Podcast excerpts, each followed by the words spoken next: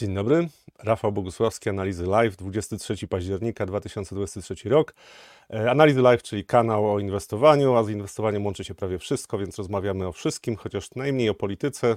Niestety ostatnio polityka miała duże znaczenie dla nas, ale dzisiaj będzie mniej o polityce. E, Dzisiaj będzie trochę więcej o tym, co się dzieje na rynku złota, też co się dzieje na rynku obligacji. E, Nie będziemy mówili na przykład o tym, że była druga tura, e, pierwsza tura, przepraszam, wyborów prezydenckich w Argentynie. Fascynujący kraj, kiedyś szósty, w szóstce najbogatszych krajów świata. Teraz pytanie, kiedy zbankrutują po raz kolejny. Sądząc po wynikach wyborów prezydenckich, to niedługo. E, Nie będziemy też mówili o tym, co się dzieje na scenie politycznej w Polsce, bo tutaj niewiele się dzieje. Trzeba poczekać na to, co- zrobi prezydent, kto będzie desygnowany do stworzenia rządu w pierwszej y, rundzie tej prezydenckiej. E, Ale na świecie dzieje się bardzo dużo, więc będziemy mówili na pewno o tym, co się dzieje na Bliskim Wschodzie, e, co się dzieje w Europie, w strefie euro, jeżeli chodzi o stopy procentowe, o rynek obligacji.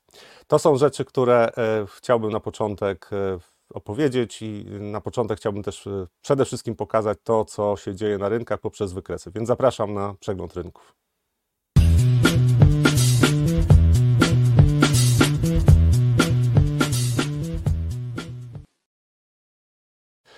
Wykres złota, kursu złota, to jest coś, co w, to dzisiaj tytułowy temat, czy złoto e, na księżyc. Te wzrosty, które tutaj miały miejsce w ostatnich dwóch tygodniach, to jest ponad 8% wzrostu.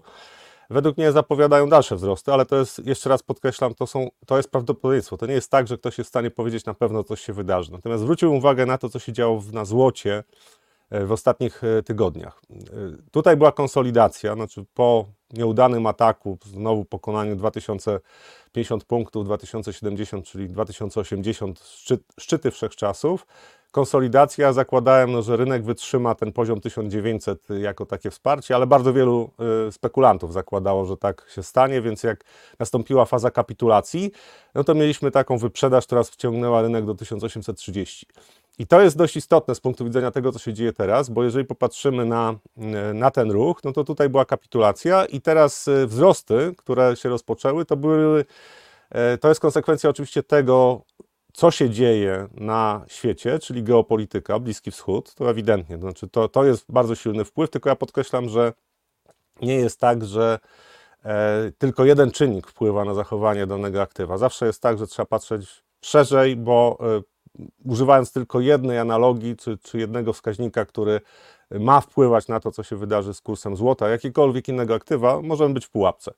E, Te, te wzrosty oczywiście są napędzane wzrostem e, napięcia geopolitycznego, natomiast no, tutaj wygląda na to, że inwestorzy zapomnieli o tym, że takich e, punktów zapalnych na świecie jest bardzo dużo, bo to mógł być Hamas, tak jak w tym przypadku jest Hamas, mogła być Korea Południowa, północna i ewentualnie jakieś rozruchy na granicy z Koreą Południową. E, mógł być też Iran samodzielnie, który by rozpoczął jakieś działania, które by się zwłaszcza Amerykanom nie spodobały, więc tych obszarów potencjalnego zagrożenia jest dużo, nie wspomnę już o wojnie rosyjsko-ukraińskiej. E, Co się dzieje w tej chwili? Jeżeli popatrzymy na to, co się dzieje, e, jeżeli popatrzymy na to, co się dzieje tutaj, to warto też spojrzeć na to, co się dzieje trochę w szerszej perspektywie, czyli wykres tygodniowy. E, I to są e, kolejne trzy szczyty. W okolicach 2070-2090 punktów to mniej więcej w tym obszarze te szczyty się zatrzymywały, więc można przyjąć, że to są trzy szczyty. Za każdym razem inwestorzy tutaj mieli coraz większą nadzieję na to, że będzie kontynuowany, kontynuowany wzrost. Ja mówiłem o tym, że dość często mówi, mówiłem o tym, że y, w taki potrójny szczyt, który oznaczałby odwrócenie tendencji trwałej, jest znacznie rzadszym zjawiskiem niż to, że rynek robi trzy podejścia do jakichś istotnych poziomów oporu, czyli to jest w przypadku tym 2080 punktów przyjmijmy, e, i za czwartym razem dopiero go pokonuje. I teraz są spełnione według mnie wszystkie warunki do tego, żeby taki ruch został e, spełniony. Znaczy to jest możliwe i według mnie jest bardziej prawdopodobne niż to, że rynek się cofnie. Też zwrócę uwagę na to, że mamy sytuację, w której jak popatrzymy na rentowności obligacji amerykańskich, to ja czytałem wiele komentarzy naszych widzów, ale też analityków bardzo wielu wypowiadało się na ten temat, że jak rosną rentowności obligacji amerykańskich, to są dziesięcioletnie rentowności, no, obligacje dziesięcioletnie, no to jest bardzo złe otoczenie dla e, złota ze względu na to, że e, no, atrakcyjność inwestowania w obligacje jest znacznie większa. No, tylko, że wzrosty rentowności trwają, a złoto też zaczęło rosnąć. Dlaczego tak się dzieje? Bo to jest sytuacja, w której mamy ten sam czynnik, który sprawia, czy jeden z czynników, który sprawia, że rosną e, rentowności obligacji, sprawia, że rośnie cena złota. I w zasadzie są to dwa czynniki. Jeden to jest napięcie geopolityczne e, i to powinno, e, to wspiera zawsze ceny złota, tak? ale dość często wspierało również ceny obligacji. Ceny obligacji, czyli rentowności spadały, obligacji amerykańskich, bo to było traktowane jako safe haven. Tylko, że w tej chwili mamy sytuację taką, że mm, Zadłużenie rządu amerykańskiego bardzo szybko rośnie.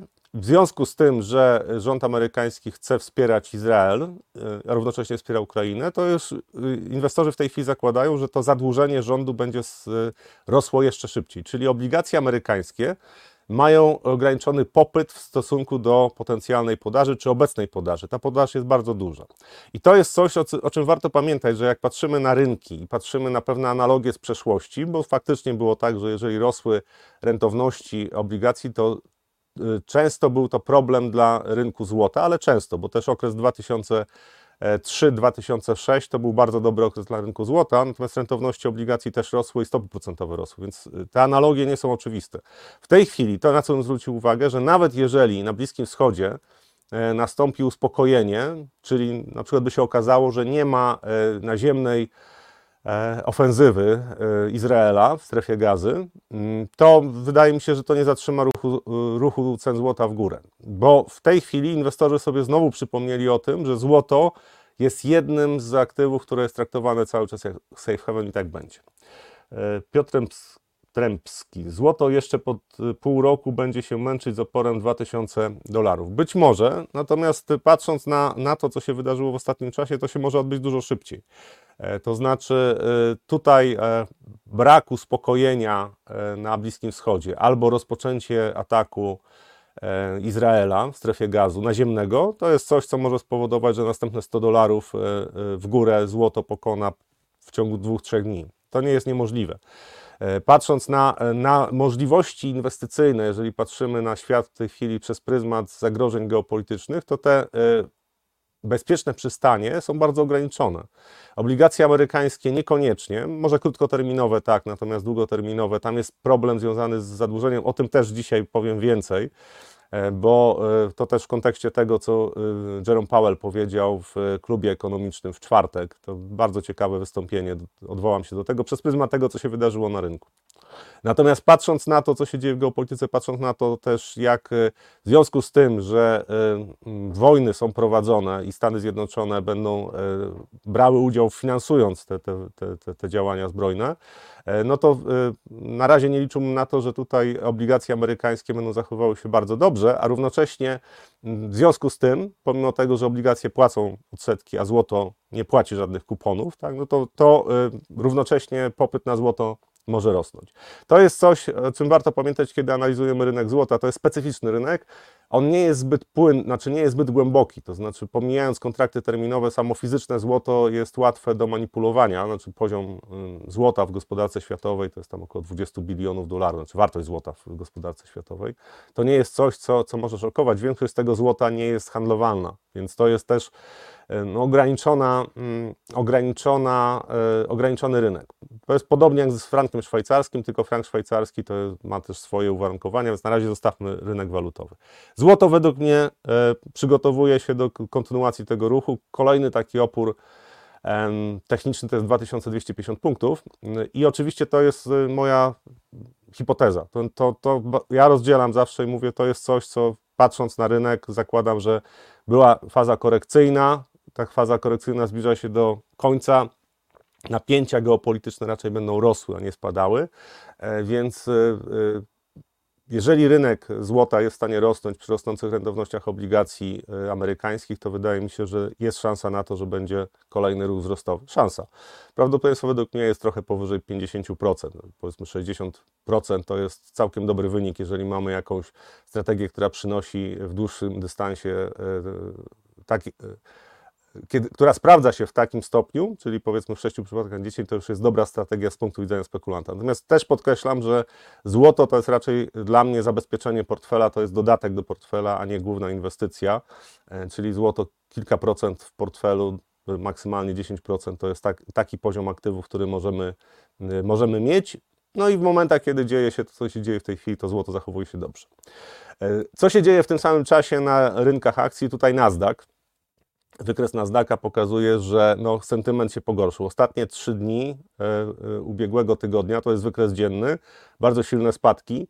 E, tutaj można było liczyć na to, ja liczyłem na to, że te spadki nie będą tak głębokie. Tutaj oczywiście jedną z, jedna z rzeczy, która jest niepokojąca, to jest wzrost rentowności obligacji, co inwestorzy sobie znowu przypomnieli, że w przypadku spółek technologicznych, to wzrost rentowności obligacji to jest coś, co może rynkowi zaszkodzić. Natomiast też oczywiście reakcja na to, co się dzieje na Bliskim Wschodzie. E, no i to jest niepokojący sygnał. Tak? Jesteśmy na tych poziomach, praktycznie na tym samym poziomie, na którym byliśmy e, pod koniec września. I kontynuacja tych spadków to jest coś, co spowoduje, że zaczną znowu handlować algorytmy, to znaczy pogłębienie tych spadków jest możliwe. E, w zasadzie w tej chwili inwestorzy w Stanach mają ostatni moment, ostatni czas, żeby zatrzymać e, te spadki e, i wyprowadzić jakąś kontrę. Znaczy tutaj 4200 to jest SP500, 4200 to jest taki poziom, który wszyscy obserwują. Więc zakładam, że pokonanie go tam o 50 punktów to jeszcze nie, nie powoduje e, kapitulacji. Natomiast jeżeli spadki będą kontynuowane w tym tygodniu, to zakładam, że spadamy w okolice 4000 punktów. Silne wsparcie takie techniczne to jest 3800. Jak sytuacja się rozwinie? No myślę, że ten tydzień jest z tego powodu bardzo ciekawy. Znaczy będziemy widzieli, co się wydarzy y, dzisiaj, jutro. Jeżeli rynek amerykański dalej będzie w takim tempie spadał, e, to znaczy, że mój scenariusz, który, który zakładałem e, poprawy nastrojów pod koniec roku pewnie będzie z niższych poziomów, znaczy taka poprawa nastrojów nastąpi, natomiast z niższych poziomów, więc wtedy szanse na e, szczyty wszechczasów e, maleją. Po prostu to jest coś, co, e, co warto pamiętać, o czym warto pamiętać, że kiedy rynek spada zbyt głęboko, to potem bardzo ciężko jest wrócić do trendu wzrostowego szybko. To, to, nie wyklucza, że w przyszłości jeszcze szczyty wszechczasów będą, natomiast tutaj patrząc krótkoterminowo, to wtedy obawy o y, sytuację gospodarczą i w Stanach i na świecie mogą przeważyć, czy gospodarczą w Stanach, polityczną na świecie mogą przeważyć. E, rynek obligacji amerykańskich, tu jest też wykres dzienny i jesteśmy na poziomach w okolicach 5%, to jest dziesięcioletnie obligacje amerykańskie. I tu zwróciłbym uwagę, że no, ten poziom 5% no to psychologiczny taki poziom y, oporu, jeżeli chodzi o wzrost rentowności. Ja zakładałem, że pomiędzy 4,70 4,90 to się może zatrzymać, natomiast nie w sytuacji, e, ten wzrost rentowności, czyli spadek cen obligacji, nie w sytuacji, kiedy e, wzrośnie presja sprzedających, bo ten rynek jest, e, tam strona popytowa jest dość słaba i teraz to, co się dzieje w ostatnim czasie, to jest, są obawy o to, jak dużo Stany Zjednoczone, jak bardzo będą się zadłużały w perspektywie następnego roku.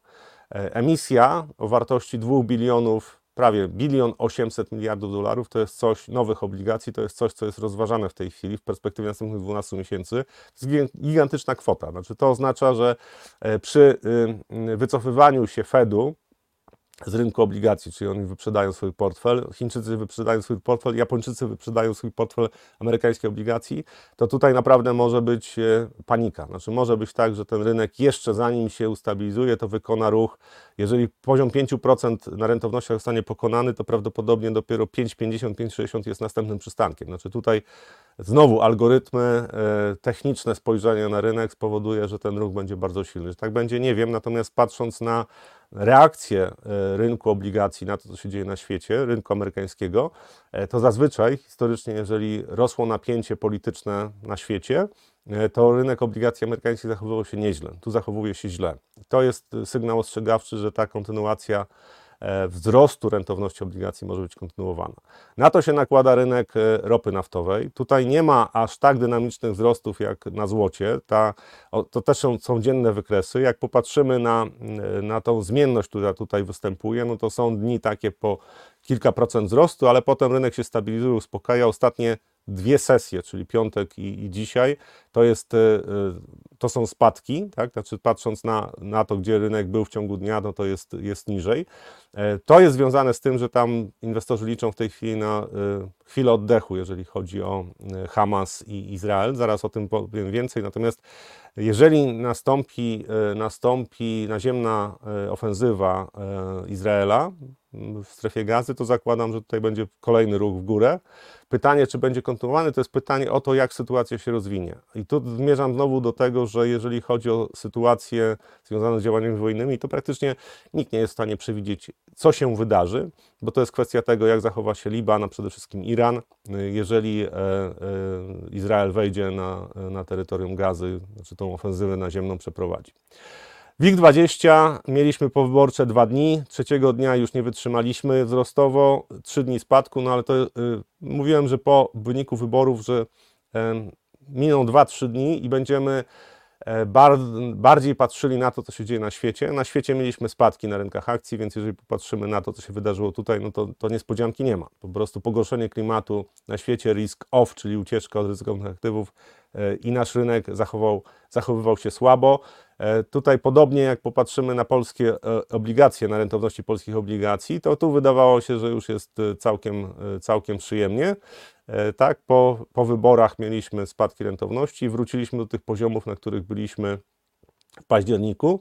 Zakładam, że polski rynek obligacji będzie e, postrzegany w tej chwili przez pryzmat tego ryzyka na świecie, które, które jest silniejsze i też oczywiście e, zagrożeń związanych z poziomem inflacji w Polsce. No, o tym sobie inwestorzy przypomną w miarę tego, jak się pojawi, e, pojawią problemy dotyczące mm, w ogóle długu rządowego, na przykład w strefie euro. I tu Włochy są przykładem na to, że te problemy za chwilę będą coraz bardziej widoczne. Znaczy, to jest coś, co y, też dość często o tym mówię, mówię, że z Włochami to jest tak, że trzeba poczekać. E, nie, pytanie nie jest y, czy, ale pytanie jest kiedy będą problemy y, dotyczące włoskiego rynku długu i wydaje mi się, że one w tej chwili już zaczynają docierać do świadomości e, inwestorów, więc strefa euro za chwilę będzie tym obszarem o podwyższonej zmienności na rynku długu również. To taki y, szybki przegląd e, wykresów. Jeszcze pokażę e, Shanghai kompozytowy, czyli mm, taki no, jeden z główniejszych indeksów, jeżeli mówimy o rynku chińskim. To jest wykres tygodniowy. Ostatni tydzień bardzo słaby. Pomimo deklaracji i działań, które podejmuje rząd chiński, bank centralny chiński, żeby stymulować gospodarkę, to widać, że inwestorzy raczej nie ufają w te mm, pozytywne scenariusze. Rynek jest wyprzedany i patrząc na, na to, co się dzieje w chińskiej gospodarce, to tam nie jest aż tak fatalnie. Tam w ubiegłym tygodniu były dane z gospodarki e, za trzeci kwartał, wzrost 4,9 zamiast 4,4. Wygląda, że gospodarka chińska ustabilizowała się, znaczy nie ma jeszcze takiego przyspieszenia, na które inwestorzy e, czekali, ale nie ma też już takich jednoznacznych sygnałów, że ta gospodarka tonie. Oczywiście tam jest rynek nieruchomości i ryzyko tego, że duże, duże firmy deweloperskie będą padały. Natomiast jeżeli patrzymy na samą gospodarkę to nie wygląda to e, aż tak źle, natomiast oczywiście sentyment do rynków wschodzących w tej chwili jest dość słaby. E, to, co jest istotne, to jest oczywiście z punktu widzenia e, inwestowania w najbliższym czasie, no to przede wszystkim jest Izrael, Hamas, potencjalne wejście Izraela na, na terytorium Gazy i reakcje Iranu w takim przy, przypadku. Tutaj trwa przepychanki polityczne, to znaczy Stany Zjednoczone chcą powstrzymać Iran od podjęcia jakichś zdecydowanych działań. Trwają negocjacje e, cały czas e, pomiędzy krajami arabskimi, też e, stanowisko Arabii Saudyjskiej, żeby było bardziej przyjazne Izraelowi. Stany Zjednoczone no, nie mają na razie wielkich sukcesów, natomiast jest coś, co w, dzisiaj daje pewien oddech. To jest oczywiście kwestia e, e, negocjacji dotyczących uwolnienia 200 zakładników izraelskich e, przez Hamas. No i tutaj przedstawiciele Izraela powiedzieli, że no, mogą wstrzymać e, ofensywę e, w, strefie gazy, opóźnić tą ofensywę, tak żeby te negocjacje mogły przebiegać. Natomiast najważniejsze będzie tak naprawdę to, co zrobi Iran. Jakiekolwiek próby zablokowania cieśniny Ormus to jest coś, co, co może się wydarzyć, no to jest oczywiście skok w cenach ropy naftowej pewnie z 7-8 dolarów. Znaczy to, to zakładam, że reakcja będzie bardzo nerwowa, bo rynki są rozchwiane i takie, takie rzeczy się pojawią. Natomiast zmierzam też do tego, że e, jak czytam komentarze, już nawet nie, nie, nie Twitter, tak, ale czytam na Bloombergu, czytam e, w CNN, czytam też e, słucham wiadomości, no to tak wielu jest ekspertów dotyczących tego, zajmujących się tym, co się dzieje na Bliskim Wschodzie, że dochodzę do wniosku, że tak naprawdę e, nikt zbyt wiele nie wie. To znaczy scenariusze można wykreślić bardzo wiele scenariuszy, natomiast nikt nie wie, jak to się rozwinie. Natomiast to, co brałbym pod uwagę, to to, że to, tutaj jest bardzo duży obszar ryzyka, nieprzewidywalności. Ce, wzrost cen ropy y, trwały powyżej 100 dolarów, to są problemy dla gospodarki światowej, amerykańskiej, ale generalnie światowej. To znaczy E, ceny ropy powyżej 100 dolarów, powiedzmy 110 dolarów, e, to jest e, przepis na recesję w perspektywie następnych tam kilkunastu miesięcy. Zazwyczaj to w ten sposób działało. Silne spowolnienie gospodarcze. To jest coś, co, o czym warto pamiętać, a równocześnie byłoby to podbicie inflacji, przynajmniej przejściowe. Więc warto obserwować, co tam się dzieje. Na razie dzisiaj rynki mają trochę więcej optymizmu, ale reakcja i na złocie, i na ropie naftowej nie jest zbyt silna, więc zakładam, że jeżeli mm, Izrael powróci do deklaracji, że, że przeprowadzą tę operację e, naziemną, to, e, to znowu będziemy mieli większą nerwowość. Pewnie, pewnie to się będzie działo w tym albo w przyszłym tygodniu. E, to, co się dzieje na świecie, też warto zwracać uwagę na w ogóle poziom napięcia, który bardzo szybko rośnie od dwóch tygodni. Korea Południowa, Stany i Japonia zapowiedziały manewry sił powietrznych. To jest kolejny przykład na to, że no w ogóle nie tylko Bliski Wschód, ale Daleki Wschód również. To jest, to jest obszar, który y, w tej chwili ma e, podwyższone napięcie. Wczoraj pojawiły się informacje o tym, że mm, e, kuter obrony wybrzeża, chiński kuter obrony wybrzeża e, zderzył się z statkiem filipińskim. Tam oczywiście są E, wzajemne oskarżenia, kto zawinił, natomiast to jest też e, Morze Południowochińskie, to jest coś, co, to jest obszar, który, który jest w tej chwili też trzeba obserwować, e, bo tam jest blisko Tajwan, znaczy to, to też to, co się dzieje na Morzu Południowochińskim, to też powinniśmy zwracać uwagę, co się dzieje na Tajwanie. I to są, to są rzeczy, które w tej chwili mają według mnie bardzo duże znaczenie dla postrzegania takiego krótkoterminowego ryzyka. E, też e, Chiny e, wprowadziły na Morze Czerwone sześć okrętów wojennych, tak żeby zaznaczyć swoją obecność, więc przypadkowe incydenty mogą spowodować, że za chwilę rynki będą reagowały bardzo nerwowo. To nie znaczy, że przesądzony jest scenariusz jakiś katastroficzny, tak, III wojny światowej, natomiast to napięcie jest bardzo wysokie i rynki będą reagowały nerwowo. Znaczy widać to po rynkach akcji, widać to po rynkach obligacji. Na walutach jest stosunkowo spokojniej, ale to myślę, że to przejściowo. To znaczy, jeżeli sytuacja by się nadal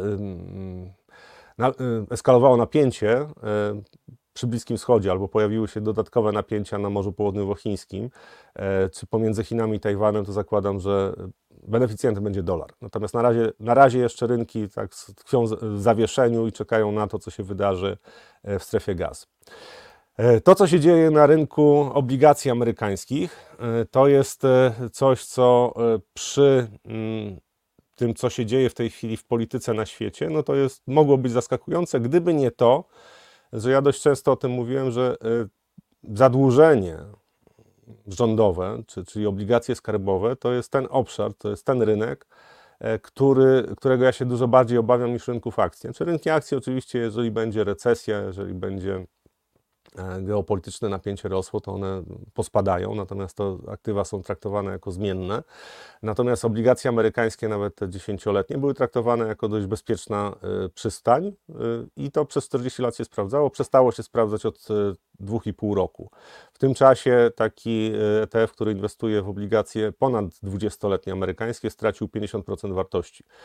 To pokazuje skalę przeceny. I to, co się dzieje w ostatnim czasie, pokazuje, że tu się niewiele zmieniło. To znaczy ta zmienność to, to jest tygodniowa zmienność, czyli ile punktów bazowych, y, y, y, o ile punktów bazowych zmieniły się rentowności obligacji.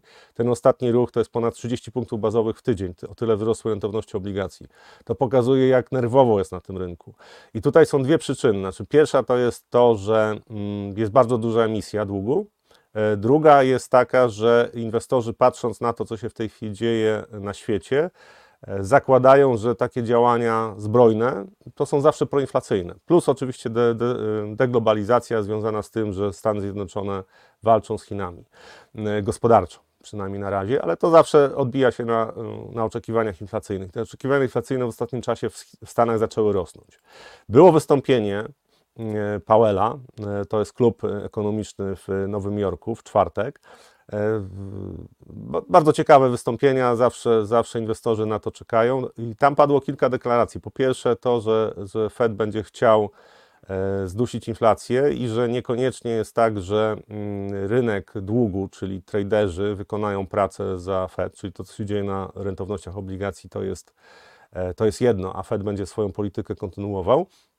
Natomiast też powiedział o czymś, co nie wszyscy komentatorzy, zwłaszcza Bloomberg tego nie podkreślił, Powiedział o tym, że obecna polityka rządu y, amerykańskiego jest nie do utrzymania w dłuższym dystansie i chodzi o tempo zadłużenia. On powiedział do, dokładnie tak, że e, sam poziom długu y, rządu amerykańskiego nie niepokoi go, natomiast tempo zadłużania się w ostatnim czasie tak. I to jest coś, y, na co ja bym zwrócił uwagę. Jeżeli popatrzymy na budżet federalny, deficyt budżetu federalnego, czy e, cały, przepraszam, nie deficyt, tylko cały dług. To mieliśmy w, na, koniec, na koniec drugiego kwartału 32 biliony 300 miliardów dolarów ponad. W tej chwili, tu jest taki zegar, który można sobie obejrzeć, tutaj jest zadłużenie w lewym górnym rogu, zadłużenie obecne 33 miliardy 662 miliardy 33 biliony 662 miliardy i tutaj tak ładnie to bardzo szybko e, ten dług rośnie. 2 biliony e, dolarów długu przybyło od e, początku czerwca, czyli od momentu, kiedy podniesiono limit zadłużenia. I to tempo zadłużenia jest nie do utrzymania. Znaczy, jeden z powodów tak słabego zachowania rynku długu w Stanach Zjednoczonych jest właśnie to, bo inwestorzy też widzą, co się dzieje i widzą, jakie są plany na przyszły rok. Pomijam już to, że za chwilę e, będzie 15 listopada, 17 listopada, przepraszam. 17 listopada i to jest deadline, jeżeli chodzi o przegłosowanie ustaw budżetowych, bo na razie to po prostu politycy sobie kupili czas. Natomiast je, e, jeżeli nawet e, będą te ustawy przegłosowane, ale będą w takiej formie, jak są demokraci, czyli ten deficyt budżetowy na przyszły rok będzie około 5% PKB, E, to e, nie spodziewałbym się, żeby była wielka hossa na rynku długu amerykańskiego na obligacjach długoterminowych, bo wszyscy będą widzieli, jaka jest podaż. Popyt i podaż. I to jest jedna z rzeczy, o których ja mówiłem e, od półtora roku co najmniej, że wcale nie jest tak oczywiste, że w momencie, jak będzie spadała inflacja, to rozpocznie się hossa na rynku długu. I to jest coś, co w tej chwili się realizuje, właśnie ze względu na to, jaki jest poziom zadłużenia bardzo wielu krajów, bo to nie tylko Stany Zjednoczone mają powyżej 100% PKB, E, Francja, Wielka Brytania. Tak? My mamy co prawda niższy poziom zadłużenia, tylko on został obniżony sztuczno.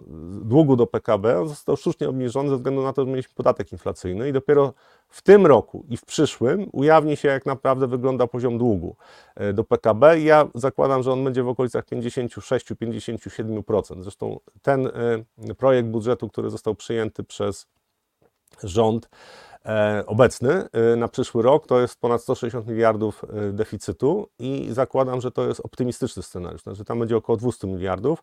Mm, pytanie oczywiście, co nowy rząd, jeżeli będzie nowy rząd, co, no, co nowy rząd zrobi, w jaki sposób ograniczy wydatki. Natomiast generalnie my dopiero zobaczymy w tej chwili efekty tej polityki, która była prowadzona, do, dopóki była wysoka inflacja i ona rosła, czyli jeszcze do początku tego roku, to udawało się. Znaczy to po prostu rosły dochody yy, E, budżetowe, ze względu na to, że rosły podatki, między innymi przez inflację, ale też jeszcze w ubiegłym roku był całkiem niezły wzrost gospodarczy. W tym roku to jest e, rok, w którym zaczynamy sprawdzać, jak wygląda sytuacja.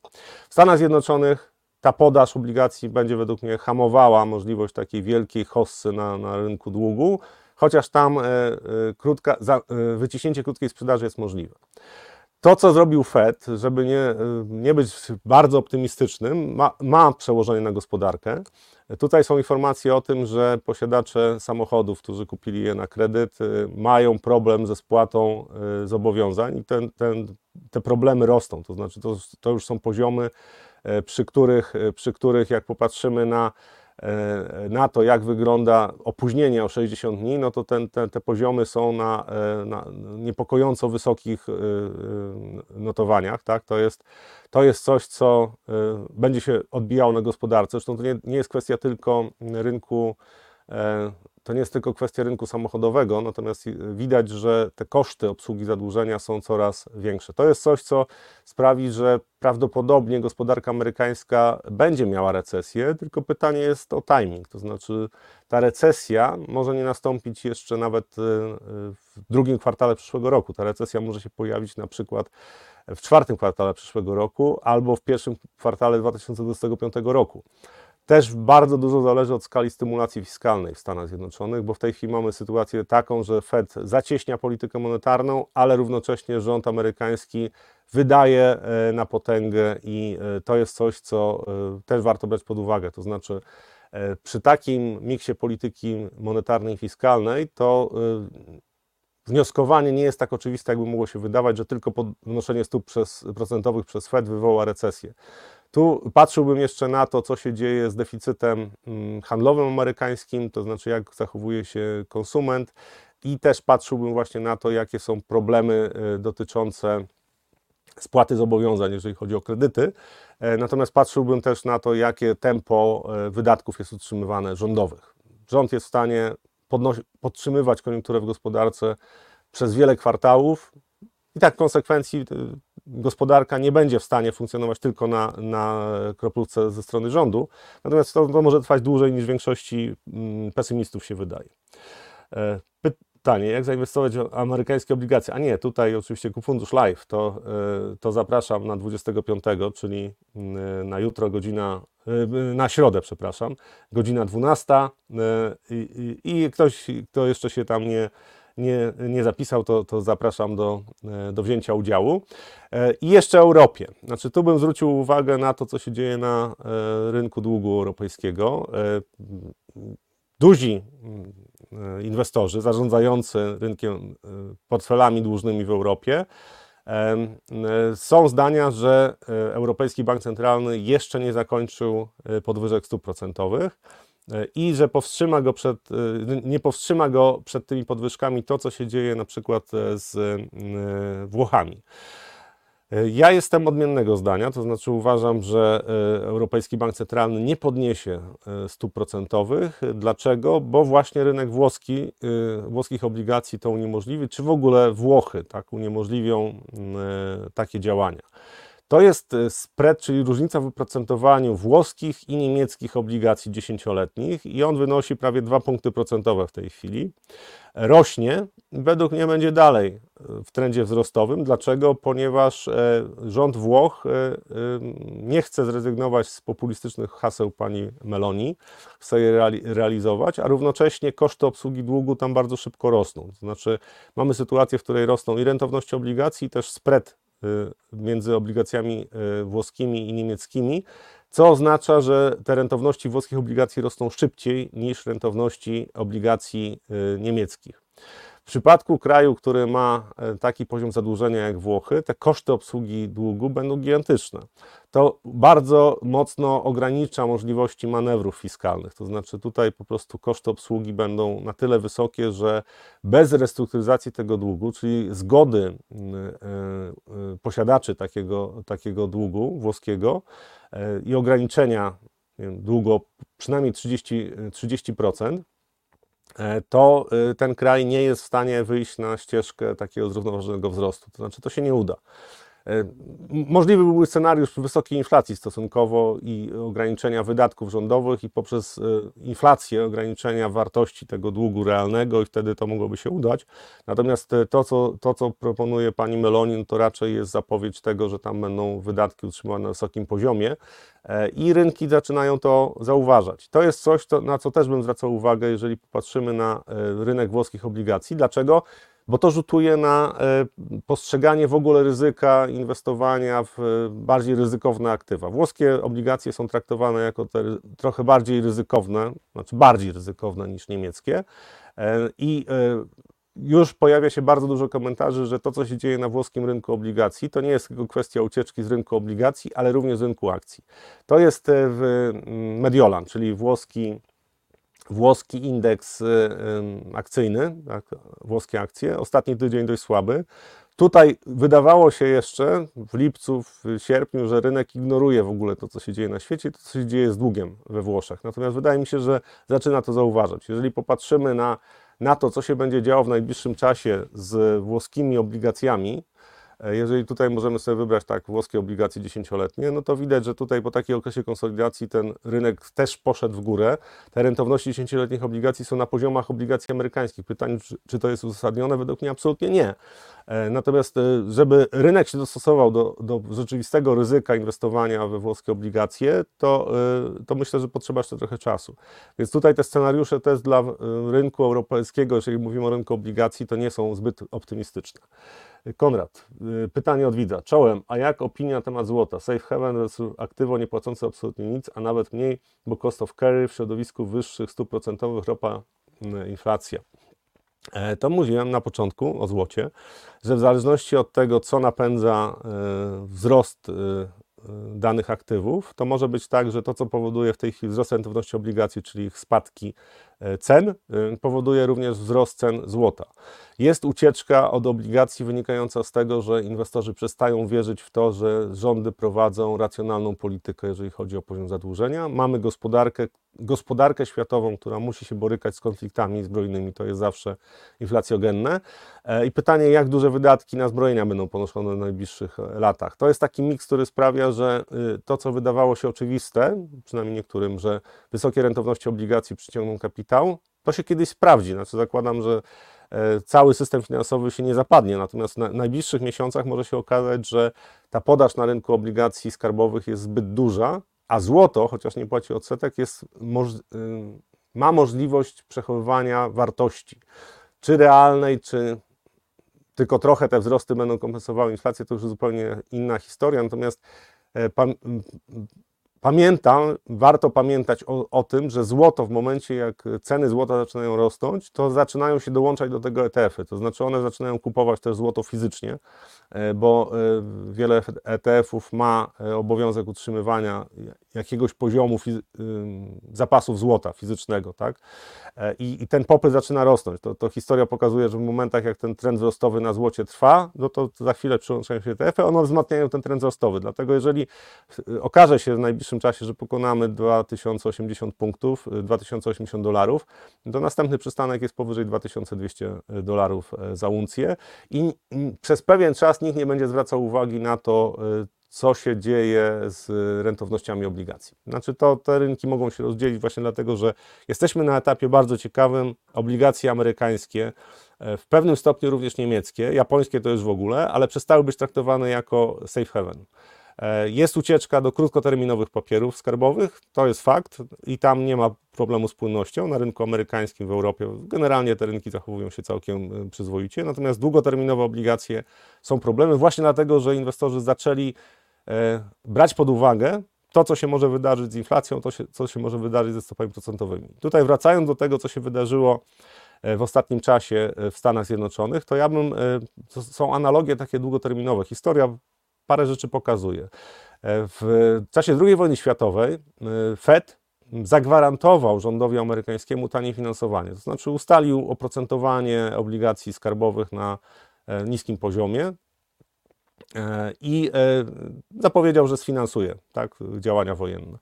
I, I to spowodowało, że wpływ na gospodarkę amerykańską wojny był mniejszy niż byłby wtedy, gdyby tak naprawdę siły rynkowe ustalały oprocentowanie tych obligacji. Natomiast w 1951 roku, kiedy rząd amerykański ponownie chciał, żeby Fed e, zapewnił tanie finansowanie mm, po rozpoczęciu wojny koreańskiej, to Fed odpowiedział, że tego nie zrobi.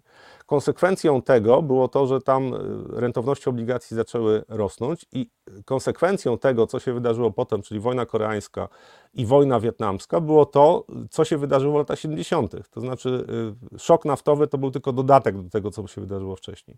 I teraz Fed jest w sytuacji, w której wyraźnie mówi, że nie będzie ograniczał wzrostu e, e, rentowności obligacji. To znaczy zostawia to rynkowi. Czy nie zmienią zdania? Nie wiem. Natomiast na razie w takiej sytuacji, w której jesteśmy, przy tych wydatkach rządu amerykańskiego, koncentruję się na Stanach Zjednoczonych, ale to nie dotyczy tylko Stanów Zjednoczonych. Przy tych wydatkach, które, które prowadzi e, rząd Stanów Zjednoczonych, to py, pytanie inwestorów jest takie, no dobrze, to, czy na, aby na pewno, jak teraz kupię te obligacje z rentownością 5% dziesięcioletnie, to czy ja na pewno realnie coś na tym zarobię? A co będzie, jak rentowności pójdą na 7%?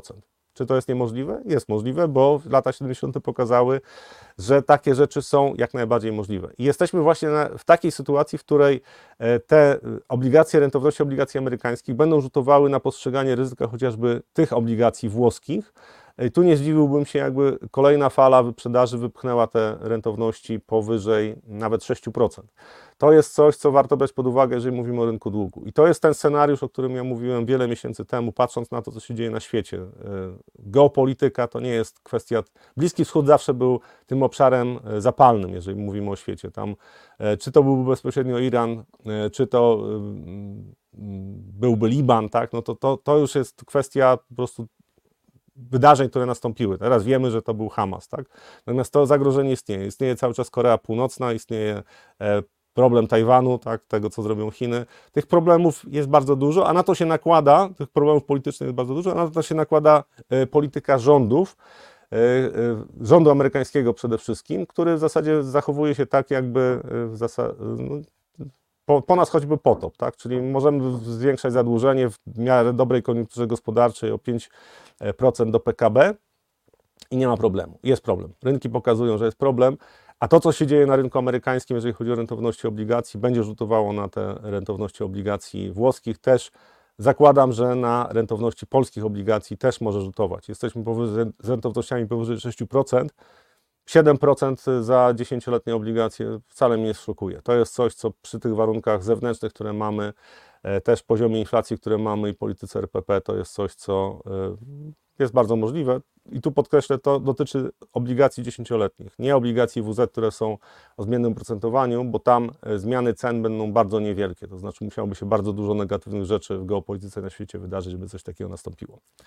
E, to na dzisiaj już wszystko. Bardzo dziękuję. E, zapraszam e, na, na kolejne nasze analizy live i miłego dnia.